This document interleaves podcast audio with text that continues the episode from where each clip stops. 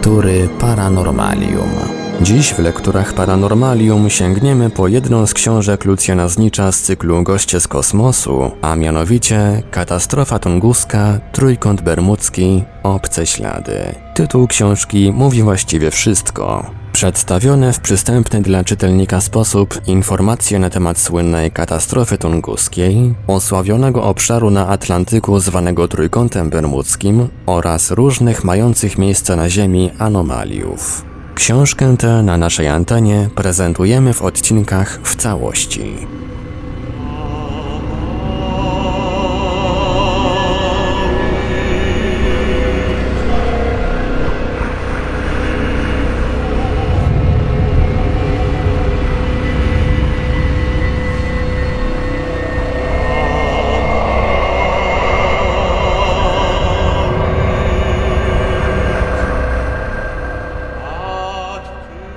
Co się dzieje na lądach?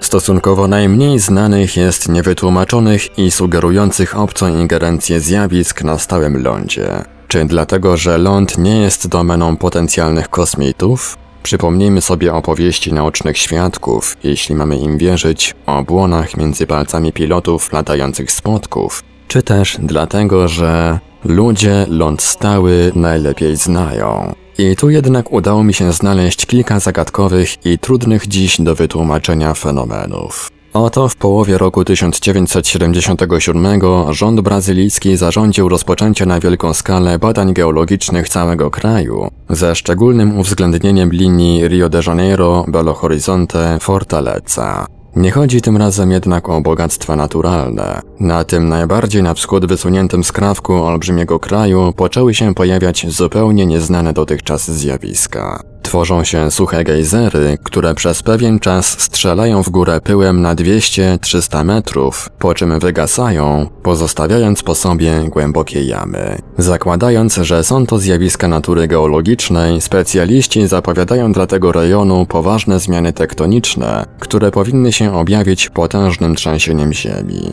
Proroctwa te jak na razie jednak okazały się fałszywe. Żadna stacja sejsmiczna nie zanotowała oznak rzekomo zbliżającego się już od dwóch lat kataklizmu. Czy stacje te nie są dostatecznie czułe, czy też natura pylnych gejzerów nie jest geologiczna? Badania rządowe również nie potrafiły na razie na to pytanie odpowiedzieć. Bo jeśli nie są to przejawy aktywności geologicznej, to czego? Nie mniej frapującą zagadką, już od wielu zresztą lat, jest wędrówka kamieni po dnach wyschniętych jezior w Kalifornii i Nevadzie w USA.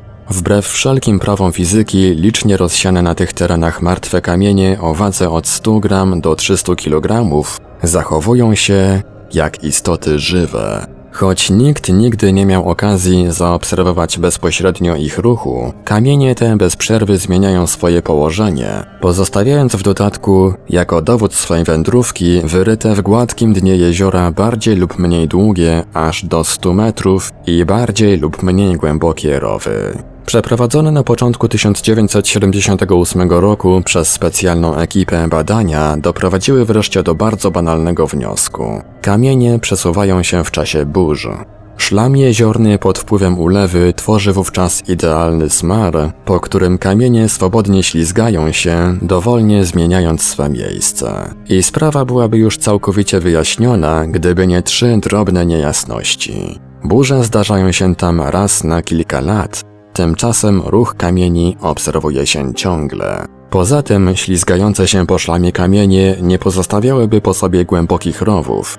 I wreszcie, gdyby działała tu tylko siła ciężkości, wszystkie ślady prowadziłyby promieniście ku najniższej partii dna. Tymczasem rowy biegną we wszystkich kierunkach. Czy na pewno więc chodzi tu o szlam, burzę i siłę ciężkości? Ale jeśli nie, to kto te kamienie przesuwa? Te zagadkowe siły, raz po raz objawiające się na lądach, manifestują się zresztą różnymi przejawami. 10 maja 1967 roku mieszkańcy miejscowości Marlien we Francji odkryli nagle w samym środku łąki głęboki krater ziemny. Było to 10 lat przed masowym niemal powstawaniem podobnych kraterów w Brazylii, a poza tym nikt nigdy nie podejrzewał, by okolice te miały być terenem sejsmicznym. To też sprawę przekazano w pierwszej instancji policji, a ta, nie mogąc znaleźć ani sprawcy, ani powodów jego działania, zawiadomiła o niezwykłym wypadku naukowców. I dopiero ci odkryli nie sprawcę, tylko bardzo dziwną, purpurową substancję na dnie krateru. Pobrano jej próbki i z początku w laboratorium Uniwersytetu w Dijon, a następnie Uniwersytetu w Paryżu przeprowadzono analizę spektralną. Okazało się, że chodzi tu o zwykłe, małe kryształki kwarcu, które przybrały ten dziwny kolor w trakcie topienia się. Kwarc w piasku ziemskim to nie nowina, lecz proces jego topnienia następuje w temperaturze 1500 stopni Celsjusza. Skąd nagle taka temperatura we wnętrzu krateru i dlaczego stopiła ona kwarc, w najmniejszym bodaj stopniu nie naruszając otaczającej krater trawy? Jeszcze dziwniejsze ślady niszczycielskiej obcej siły odkrył w swym lesie pięć lat później mieszkający 4 km od Montereau francuski rolnik René Merle. 8 października 1972 roku wybrał się on przy niedzieli na polowanie, ale gdy tylko dotarł do swojej działki, zamarł z wrażenia. Co najmniej 300 metrów kwadratowych lasu zostało całkowicie zniszczonych. Otaczający las kamienny wał został rozbity na drobne kawałki i rozniesiony po okolicy, jakby wysadzony w powietrze. Świerki i drzewa liściaste leżały dookoła, powalone niesamowitą siłą. Nawet wykrot, który Merl od lat daremnie próbował wykarczować z ziemi, teraz został wydarty i odrzucony na wiele metrów. Drzewa o średnicy do pół metra zostały skręcone, jakby poddano je od góry sile odśrodkowej i to w dwóch przeciwległych kierunkach. Szereg świerków został równo ścięty, jakby jednym pociągnięciem piły, zaczynającym się na wysokości pół metra nad ziemią, a kończącym się na wysokości dwóch metrów. I tu, tak jak w Marien, sprawa trafiła z początku do policji z Riviery, a gdy ta, wobec braku śladów prowadzących do miejsca wypadku, stwierdziła, że nie jest w stanie dać żadnego wyjaśnienia, Przekazano ją naukowcom z Nicei, ale im również powiodło się nie lepiej. W żadnym wypadku nie można tego wyjaśnić upadkiem meteorytu, oświadczył profesor mineralogii Guy Tirko. Zgodnie z naszymi doświadczeniami nie mogło to być ani tornado, ani trąba powietrzna, ani piorun. Uzupełnili jego oświadczenie meteorologowie z Uniwersytetu w Nicei. Drzewa skręcone są w różnych kierunkach, podczas gdy trąba powietrzna skręca drzewa tylko w jednym kierunku i nie może być ograniczona do tak małej powierzchni. Koniec cytatu. A więc już wiemy bezspornie. Nie był to meteoryt ani tornado, ani trąba powietrzna, ani piorun. Pozostałoby jeszcze tylko wyjaśnienie, co to wobec tego było. Tym bardziej, że jak się przekonamy, zjawiska takie same lub podobne, tyle że na innych terenach i w nieco innych okolicznościach, raz po raz się powtarzają. Co się dzieje w jeziorach? Bo wyschnięte jeziora amerykańskie ze swymi kamiennymi zagadkami są tylko skromną zapowiedzią całego stosu tajemnic, piętrzącego się wokół wielu innych odludnych jezior świata. Oto jezioro Elgigitkin w północno-zachodniej części Syberii, na Czukotce, w okolicach wzgórza Anardyjskiego, pomiędzy górnymi biegami rzek Aniuj, Czaun i Anadyr, nazywane zresztą przez tamtejszych mieszkańców Czukczów Elgitkin. Już geolog rosyjski Polewoj w roku 1914 słyszał o tym jeziorze różnego rodzaju niezwykłe legendy. Nie udało mu się jednak doń dotrzeć, ponieważ żaden z przewodników, Czukczów, nie odważył się doprowadzić tam rosyjskiej ekspedycji. Po raz pierwszy, nie bez oporów zresztą miejscowej ludności, dotarł doń dopiero 20 lat później, w roku 1934, geolog radziecki Obruczew, który też pierwszy stwierdził, że owiane legendami jezioro znajduje się wewnątrz potężnego wulkanicznego krateru. Według jego sprawozdania ma ono kształt elipsy o średnicach 12 i 17 kilometrów, otoczonej typowymi utworami wulkanicznymi, bazaltami, tufami i liperytami. Może to właśnie wulkaniczne pochodzenie tłumaczy w pewnym sensie fakt, iż ani w samym jeziorze, ani daleko wokół jego brzegów nie można odkryć najmniejszych śladów życia. Czukczowie wszakże twierdzą, iż istotną jego przyczyną są mieszkające w jeziorze zły duch wody i na brzegach jeziora zły duch wiatrów, które bezwzględnie niszczą wszelkie pojawiające się na ich terenach życie. Trzeba obiektywnie stwierdzić, że nieliczne radzieckie ekspedycje geologiczne przekonały się o tym na własnej skórze. Gdy tylko zabierano się do bardziej szczegółowej penetracji, zarówno na jeziorze, jak i na okolicznych wzgórzach, zrywały się bez żadnej zapowiedzi tak gwałtowne burze, że członkowie ekspedycji z trudem tylko uchodzili z życiem. Ostatnio jednak, w roku 1977, tajemnica pochodzenia jeziora Elgygytkin została wyjaśniona i jak to często bywa, postawiła przed nauką nowe, jeszcze trudniejsze do rozwiązania zagadki. Na podstawie zdjęć z satelitów naukowiec amerykański Dietz doszedł do wniosku, że krater, w którym znajduje się jezioro Elgygytkin, nie jest wcale pochodzenia wulkanicznego, tylko meteorytowego. O wielkości tego meteorytu może świadczyć fakt, iż powstałe przy jego zderzeniu ze skorupą ziemską tektyty od dziesiątków lat intrygujące naukę nieregularne szkliste bryłki o średnicy od kilku do kilkudziesięciu metrów obsypały nie tylko całą Azję, ale nawet Australię. Noszą one tam nazwę Australitów. W tej sytuacji tłumaczenie braku życia wokół jeziora Elgigitkin niedawną działalnością wulkaniczną wewnątrz krateru przestaje być aktualne. Jeszcze mniej realne wydaje się zniszczenie życia przez wywołaną meteorytem katastrofę kosmiczną, bowiem, jeśli tylko hipoteza ta jest prawdziwa, meteoryt uderzył w to miejsce 700 tysięcy lat temu. Któż uwierzy, że w ciągu tak długiego czasu zwycięskie życie nie potrafiło pokonać śladów katastrofy? Może więc ten brak życia nie jest wcale związany z odległym pochodzeniem jeziora, tylko z jego losem współczesnym.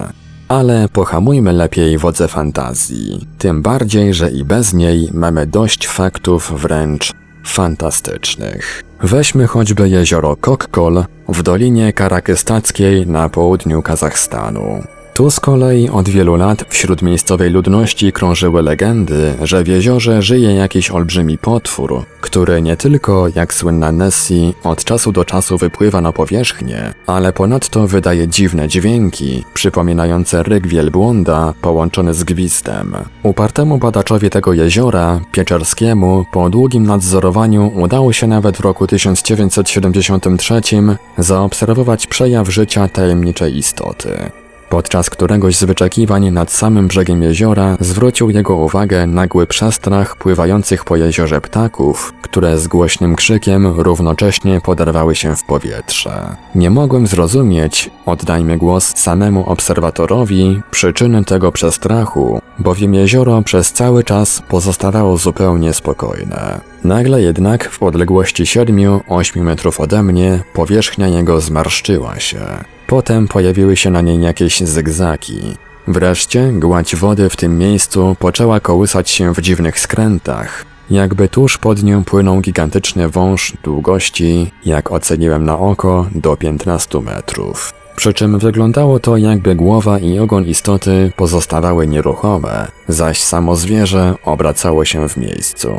Koniec cytatu. Rzecz jasna, po takim sensacyjnym początku, Pieczerski jeszcze pilniej zabrał się do obserwacji jeziora, a choć nigdy nie udało mu się dostrzec rzekomego zwierzęcia, w roku 1977 usłyszał z kolei dziwny odgłos, właśnie przypominający przegłuszony ryk wielbłąda i następujący później gwizd, towarzyszący pojawianiu się na powierzchni jeziora kręgów, jak gdyby ktoś wodę wsysał od dołu. Pieczerski, opierając się na fakcie, iż jezioro Kokkol bez względu na pory roku i warunki klimatyczne zachowuje stały poziom, doszedł w końcu do konkluzji geologicznej. Okazało się, że obroty ciała żywego węża równie dobrze mogą być zwykłym wirem ssącym, powstającym na skutek okresowego otwierania się dna jeziora do jakiejś podziemnej rzeki. Również ów niezwykły dźwięk może być tylko jednym z przejawów potężnego ssania. Od siebie chciałbym dodać jednak jeszcze jedną możliwą koncepcję. Jeśli taki wir, odpowiednio opisany, może raz naśladować kręcącą się w miejscu żywą istotę, to znów okazać się zwykłym lejem ssania wody przez podziemną rzekę, to dlaczego nie może być także wynikiem działania jakiegoś obracającego się tuż pod wodą wokół swej osi mechanizmu? O ile jezioro Kokkol budzi zaciekawienie swym permanentnie niezmiennym poziomem wody, o tyle inne jezioro Kazachstanu, Bałchasz, intryguje z kolei naukowców zmiennością swej pojemności. A zmienność to jest poważna. Oblicza się, iż między obu ekstremami pojemności zachodzi różnica aż 60 miliardów metrów sześciennych wody. Co dziwniejsze, zjawisko zmniejszania się i powiększania jeziora o tę gigantyczną ilość wody nie ma nic wspólnego ani ze stanem wód wpadającej do jeziora rzeki Ili, ani z ilością opadów i w ogóle zmianami klimatycznymi tego regionu. Jezioro poddane jest jakby jakiemuś rytmowi wewnętrznemu, który każe mu pulsować wodą bez względu na warunki otoczenia. Rytm ten ma się podobno powtarzać co około 60 lat, Sugestie te jednak nie są jeszcze umotywowane, bowiem naukowcy Instytutu Hydrologii i Hydrofizyki Akademii Nauk Kazachstanu poważnie zainteresowali się zagadką Bałchaszu dopiero w roku 1973. A już najdziwniejsze chyba zdarzenie, jakie w ostatnich latach zaistniało z jeziorem, dotyczy leśnego jeziora w pobliżu miejscowości Sternberg w NRD. W ramach ogólnego planu zagospodarowania wszystkich zbiorników wodnych w połowie roku 1978 rozpoczęto budowę grobli wokół jeziora, która miała umożliwić wykorzystanie go jako zbiornika przeciwpożarowego. I oto w chwili, gdy prace te zbliżały się już do końca, jezioro nagle znikło. Co dziwniejsze, mimo zatrudnienia tam kilkuset robotników, nie było ani jednego świadka tego niezwykłego zdarzenia. Jezioro znikło w ciągu jednej nocy między zmianą wieczorną a poranną, zabierając przy okazji ze sobą 100 metrów zbudowanej drogi i cały sprzęt z koparką włącznie. Można sobie wyobrazić zdumienie robotników, gdy przybywszy do pracy zamiast zaawansowanej budowy znaleźli tylko niekształtne, usychające zwolna bagno. Ale czy nasze zdumienie, gdy się raz po raz spotykamy z tak dziwnymi losami jezior na całym świecie, nie jest co najmniej takie samo?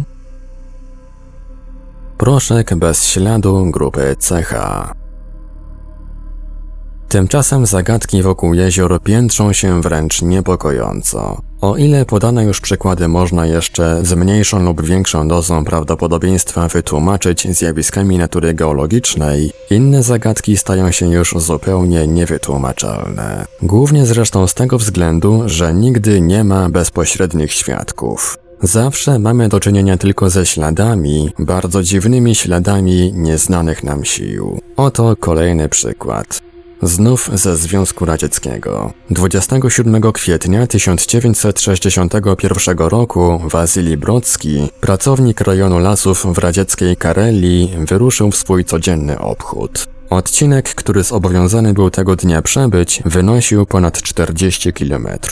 Biorąc pod uwagę ciężką drogę, połowa jej prowadziła przez roztopione już wiosennym słońcem bagna, druga zaś połowa pokryta była jeszcze miękkim, nasiąkniętym wodą śniegiem. Brodski wyruszył w drogę już o świcie. Mimo to, dopiero około godziny 21 dotarł do znajdującego się 35 km od nadleśnictwa, całkowicie jeszcze zamarzniętego, samotnego jeziora leśnego i po przejściu jeszcze dalszych 7 km zanocował w lesie. Następnego dnia po własnych śladach ruszył w drogę powrotną. Jakież było jego zdumienie, gdy około godziny 10 dotarłszy ponownie do jeziora, odkrył na jego brzegu jakieś obce ślady. I to jakie?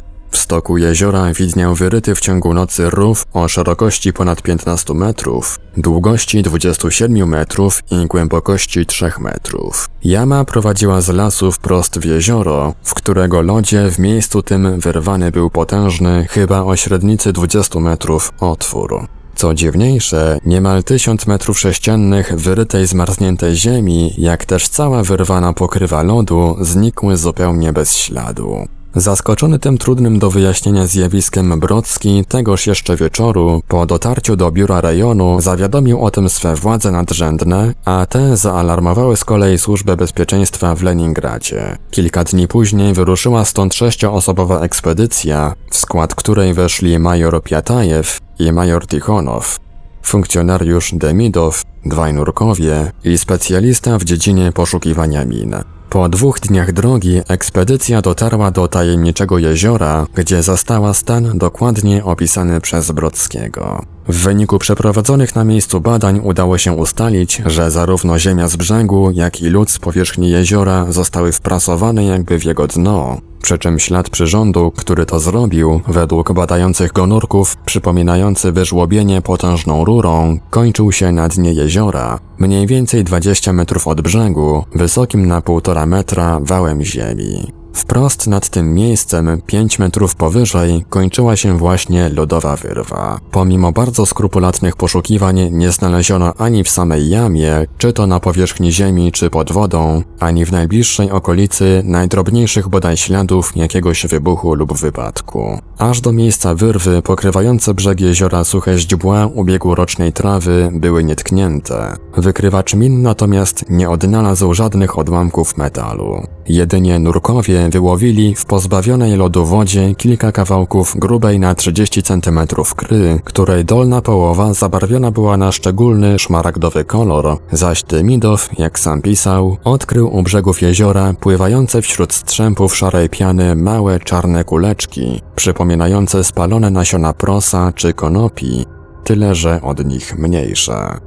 Ziarna te zresztą okazały się bardzo kruche i przy potarciu palcami rozsypywały się na czarny proszek. Po szczegółowym sfotografowaniu dziwnego znaleziska oraz pobraniu próbek ziemi, wody, piany, lodu, a nawet tych spalonych nasion, ekspedycja powróciła raczej z niczym do Leningradu a właściwie nie z niczym, bo z całym kompletem wszelkich możliwych hipotez, które pobrane próbki mogłyby w jakiś sposób uzasadnić. Niestety, w toku oceny sytuacji przez specjalistów hipoteza po hipotezie odpadały. Przede wszystkim wyrzec się więc musiano hipotezy wybuchu. Musiałby to być wybuch potworny i niemożliwe, aby nocujący zaledwie 7 km od jeziora Brodzki nie usłyszał go. Milicja zresztą przepytała wszystkich okolicznych mieszkańców, którzy stwierdzili, że w nocy z 27 na 28 kwietnia nic nie słyszeli. Natomiast kilka osób stwierdziło, że kilka dni później, między godziną drugą a czwartą nad ranem, słyszało od strony jeziora kilkakrotnie powtarzający się jakby ryk startujących samolotów odrzutowych. Hipoteza wybuchu musiała zresztą odpaść i z tego względu, że ziemia i lód, zamiast być rozrzucone w szerokim promieniu, zostały wprasowane w dno jeziora. Następna hipoteza, że spadła tu może jakaś próbna radziecka rakieta, również musiała być odrzucona już na samym wstępie. Ani nie wykryto na miejscu żadnych jej odłamków, ani nie potwierdziły jakiegokolwiek zejścia z orbity odpowiednie władze. Może więc spadł samolot. Tym bardziej, że uderzenie jego pod ostrym kątem w ziemię i odbicie się rykoszetem równocześnie mogło pomyślnie wyjaśnić aż dwa zagadkowe zjawiska dziwny ślad i brak odłamków. Cóż z tego, kiedy sprzymierzyły się przeciwko tej koncepcji aż trzy różne świadectwa. Kompetentne radzieckie instytuty techniczne wykluczyły istnienie jakiegokolwiek aparatu, który potrafiłby po takim uderzeniu przelecieć w całości bodaj kilkaset metrów. W wypadku odbicia się rykoszetem resztki samolotu musiałyby spaść po drugiej stronie jeziora. Ekspedycja nie znalazła tam jednak niczego. Wreszcie odbicia musiałyby nastąpić pod tym samym kątem, pod którym samolot spadł. Tymczasem urywający się nagle ślad na dnie jeziora i wyrwany wprost nad nim lód wskazywałby na odbicie się aparatu pionowo w górę. Następną hipotezę, zakładającą, że chodzi tu o zwykłe osuwisko, odrzucili z miejsca geologowie z Uniwersytetu Leningradzkiego. Specjaliści Katedry Wysokich Energii Politechniki w Leningradzie kategorycznie zaprzeczyli możliwości uderzenia pioruna liniowego lub kulistego. Z kolei profesor Szaronow z Obserwatorium Pułkowskiego odrzucił także koncepcję upadku meteorytu. Mimo iż pozostałe kratery przeważnie są pięciokrotnie większe od samego meteorytu, w tym wypadku masę niebieskiego gościa należałoby ocenić w tonach. Tymczasem, dzięki odpowiednio czułej aparaturze badawczej, nawet kilogramowy meteoryt jest już dużym, niemożliwym do przegapienia zdarzeniem we współczesnej meteorytologii. W tej sytuacji jedyną nadzieją całej ekspedycji stały się pobrane przez nią próby. Nie mogły one już wprawdzie żadnej z tych hipotez potwierdzić lub bodaj podbudować, ale może przynajmniej pomogą odnaleźć kierunek ku nowej, niewysuniętej jeszcze dotychczas koncepcji. Niestety i tu wszelkie nadzieje okazały się płonne. Próbka gruntu nie zawierała ani niezwykłych dla tego terenu pierwiastków, ani wzmożonej radioaktywności. To samo dotyczyło wody i piany. Nawet chemiczne laboratorium badające wodę ze szmaragdowego lodu wydało opinię. Wykryte w roztopionym lodzie pierwiastki nie dają możliwości wyjaśnienia jego zielonego koloru stwierdzonego przez uczestników ekspedycji. I dopiero badanie spektroskopowe spalonych ziaren sprawiło jakąś niespodziankę. W widmie pod czerwonym proszku uzyskanego po roztarciu ziaren brzmiała dosłownie ekspedycja tegoż laboratorium chemicznego, nie stwierdzono istnienia linii absorcyjnych grupy CH charakterystycznych dla wszystkich związków organicznych. Nie wiem, czy każdemu ten zagmatwany styl naukowy coś mówi, ale dla fachowców ocena ta była już niemal rewelacją. Czarne, spalone ziarenka nie były pochodzenia roślinnego i w ogóle nie mogły mieć nic wspólnego z jakimkolwiek żywym organizmem na Ziemi. Próbowano je rozpuścić w skoncentrowanym kwasie siarkowym, w kwasie fluorowodorowym, w kwasie solnym. Wszystko nadaremnie. I choć w jakimś stopniu wyjaśniono ich genezę, Któryś z kolejnych zajmujących się nimi instytutów naukowych doszedł w końcu do wniosku, że ziarenka podobnego kształtu mogą powstawać podczas procesów przebiegających w wysokiej temperaturze, np. przy spawaniu. W najmniejszym stopniu nie potrafiono wyjaśnić samego znaleziska. Skąd nagle te produkty procesów wysokotemperaturowych znalazły się wśród nietkniętej suchej trawy i w wodzie odludnego leśnego jeziora? Niestety, zbyt mała to poszlaka, aby na jej podstawie opublikować jakąkolwiek w miarę bodaj umotywowaną hipotezę. Ba, poszlaka okazała się zbyt mała, by opublikować nawet samą tę zagadkową historię. Przekonał się o tym Demidow, który sprawozdanie o niezwykłym zdarzeniu w tymże jeszcze roku 1961 przesłał radzieckiemu miesięcznikowi popularno-naukowemu Znanie Sila. Kolegium redakcyjne przezornie schowało jego tekst do szuflady. Demidow wszakże nie ustąpił. Po sześciu latach starań książkę jego pod tytułem My uchodzim paslednimi, uciekamy jako ostatni, zawierającą m.in. opis zagadkowego zdarzenia nad Jeziorem Karelskim, wydało wreszcie radzieckie wydawnictwo Młoda Gwardia. Rok później, w czerwcu 1968 roku, wyraźnie się zresztą odgradzając nazwiskami przewodniczącego Rady Astronomicznej Akademii Nauk ZSRR Mustela, prezydenta Wszechzwiązkowego Towarzystwa Astronomiczno-Geodezyjnego Martynowa i sekretarza naukowego Narodowego Komitetu Fizyków Radzieckich Leszkowcewa, przed jakąkolwiek interpretacją sugerującą ingerencję obcych sił kosmicznych, historię tę podało także pismo znanie Sila. Ale nie żywmy oto wobec kierownictwa miesięcznika jakichś pretensji. Pisma popularno-naukowe istnieją po to, aby czytelnikom wyjaśniać na podstawie naukowych paradygmatów wszystkie problemy. A co tu można wyjaśnić?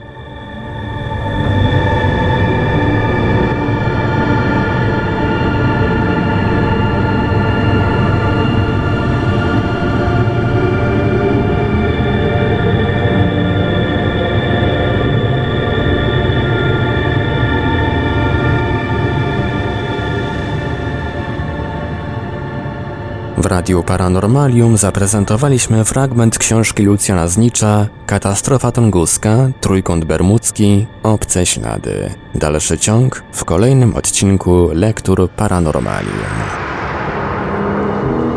Archiwalne odcinki Lektur Paranormalium znajdziesz do pobrania w archiwum naszego radia na stronie www.paranormalium.pl.